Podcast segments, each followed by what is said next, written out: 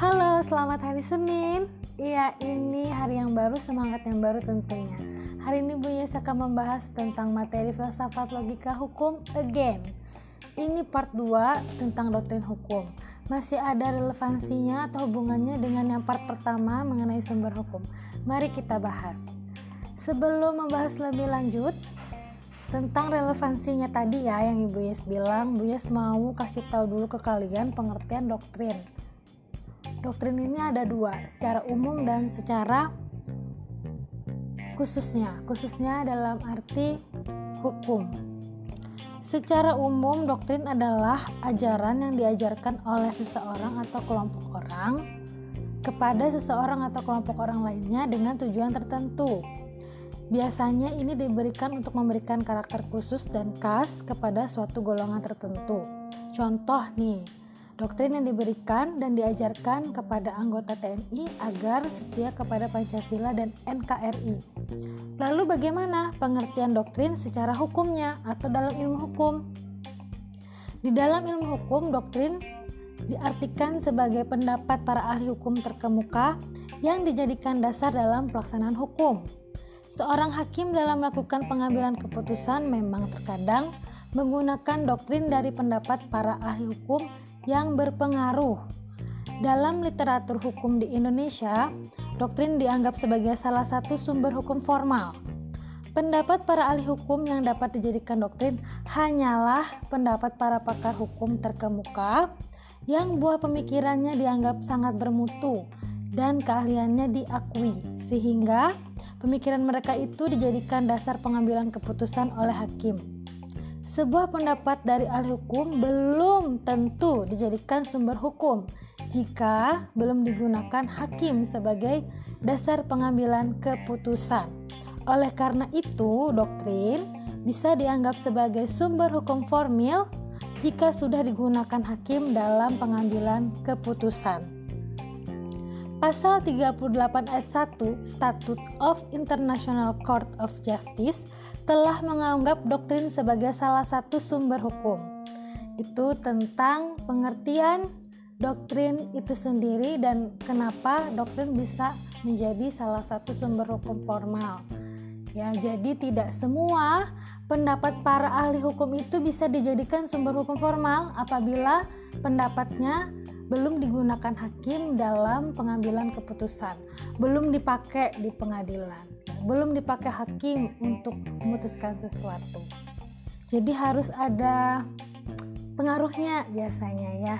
Para ahli hukumnya ini orang-orang yang terkenal, yang sudah punya nama, ya yang bermutu isinya. Contoh doktrin sebagai sumber hukum apa, Bu?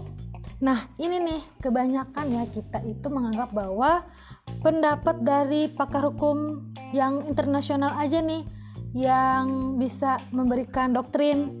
Ya tapi kenyataannya banyak kok guru besar kita dan pakar hukum di Indonesia ini yang pendapatnya dijadikan doktrin dalam hukum Indonesia.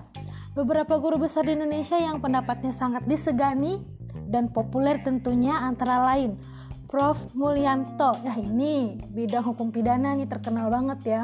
Punya buku beliau ini Kemudian ada Prof. Sudikno Mertokusumo, ini dosennya Bu Yes dulu waktu S1 di FHUGM dan Prof. Sajipto Harjo juga dosennya Bu Yes juga di bidang hukum perdata yang pendapatnya banyak kita lihat di literatur hukum di Indonesia.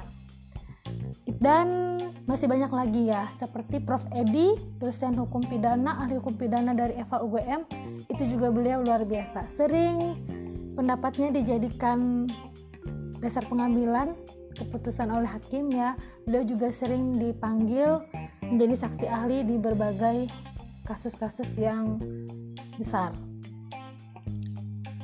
Selain tadi yang Bu Yesi bilang ada juga contoh doktrin yang lain. Ini yang internasionalnya ya. Doktrin trias politika. Hmm, punya Montesquieu. Ini tentang pembagian kekuasaan yang masih digunakan ya pada banyak negara. Kemudian ada doktrin ini juga Imam Maliki, Syafi'i, Hambali, Hanafi dan Abu Hanifah Ini doktrin dalam pelaksanaan hukum Islam di masyarakat dunia dan Indonesia. Ada juga Jeremy Bentham. Ini menyatakan bahwa tujuan hukum adalah menciptakan kebahagiaan, ya yeah, kebahagiaan untuk sebanyak-banyaknya orang. Yeah. Semoga begitu ya. Hukum memang harusnya ya seperti itu menciptakan sebuah kebahagiaan, bukan kesengsaraan. Nah, itu tentang doktrin ya. Sekarang kita bahas relevansinya dengan sumber hukum. Tadi ada sedikit dibahas ya. Doktrin itu adalah salah satu sumber hukum. Lalu, hubungannya dengan logika hukum apa?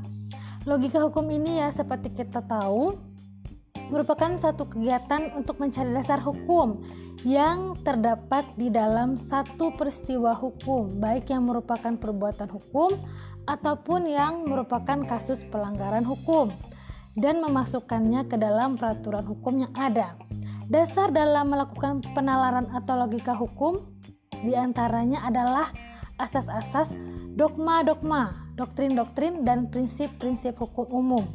Relevansinya antara doktrin hukum dan logika hukum yaitu suatu logika hukum yang diberikan atau diutarakan harus memperhatikan doktrin hukum yang ada karena doktrin berlaku sebagai sumber hukum formal.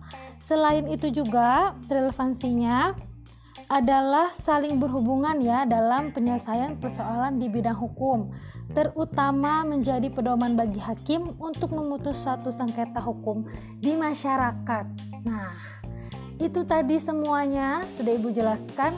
Doktrin itu apa, contohnya apa, relevansinya apa, hubungannya dengan yang sumber hukum itu apa.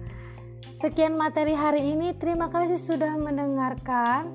Harus terus selalu semangat menjalani hari walaupun cuaca kadang-kadang suka sendu dan kelabu ya. Tapi hati kalian, semangat kalian jangan ikut-ikutan sendu dan kelabu. Sampai jumpa di episode selanjutnya. Bye.